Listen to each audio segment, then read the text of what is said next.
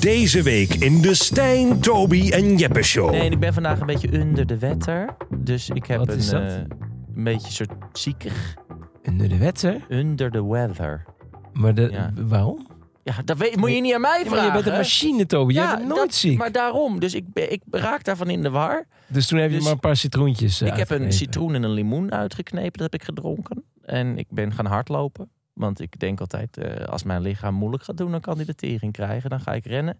Nee, maar ik heb juist dan, als ik ga sporten, als ik een beetje, net zo'n beetje zo, mm, denk, ik, mm, ben een beetje ziek, mm, een beetje, Ja. met een beetje Appelig. vreed. Als je dan gaat sporten, dan denk je lichaam, ja, maar nu kun je echt de tering krijgen. Nu ben ik gewoon, nu schakel ik je uit. Dan, dan word ik ineens echt ziek als ik, zeg maar, zeker met krachttraining of zo, hardlopen en zo ook wel, maar dan is het echt, dan is het- Oh, ik heb Het is dat echt altijd alsof voordat Joël het- Beukers hier aan het praten is over al zijn ervaringen met sporten. Ja, ja, Deze man die ja. sport één keer per maand. helemaal niet. Ik heb een personal trainer waar ik drie keer in de week Ja, heen oh, ga. oh. personal trainer. ja. wat zit je nou ineens tof te doen? Ja. Wat zit jij tof te doen? Haha, jongens, rustig aan.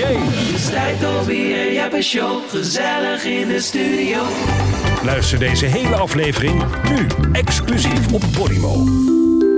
Via podimo.nl slash Stijn luister je de eerste 60 dagen gratis. Via podimo.nl slash Stijn luister je de eerste 60 dagen gratis.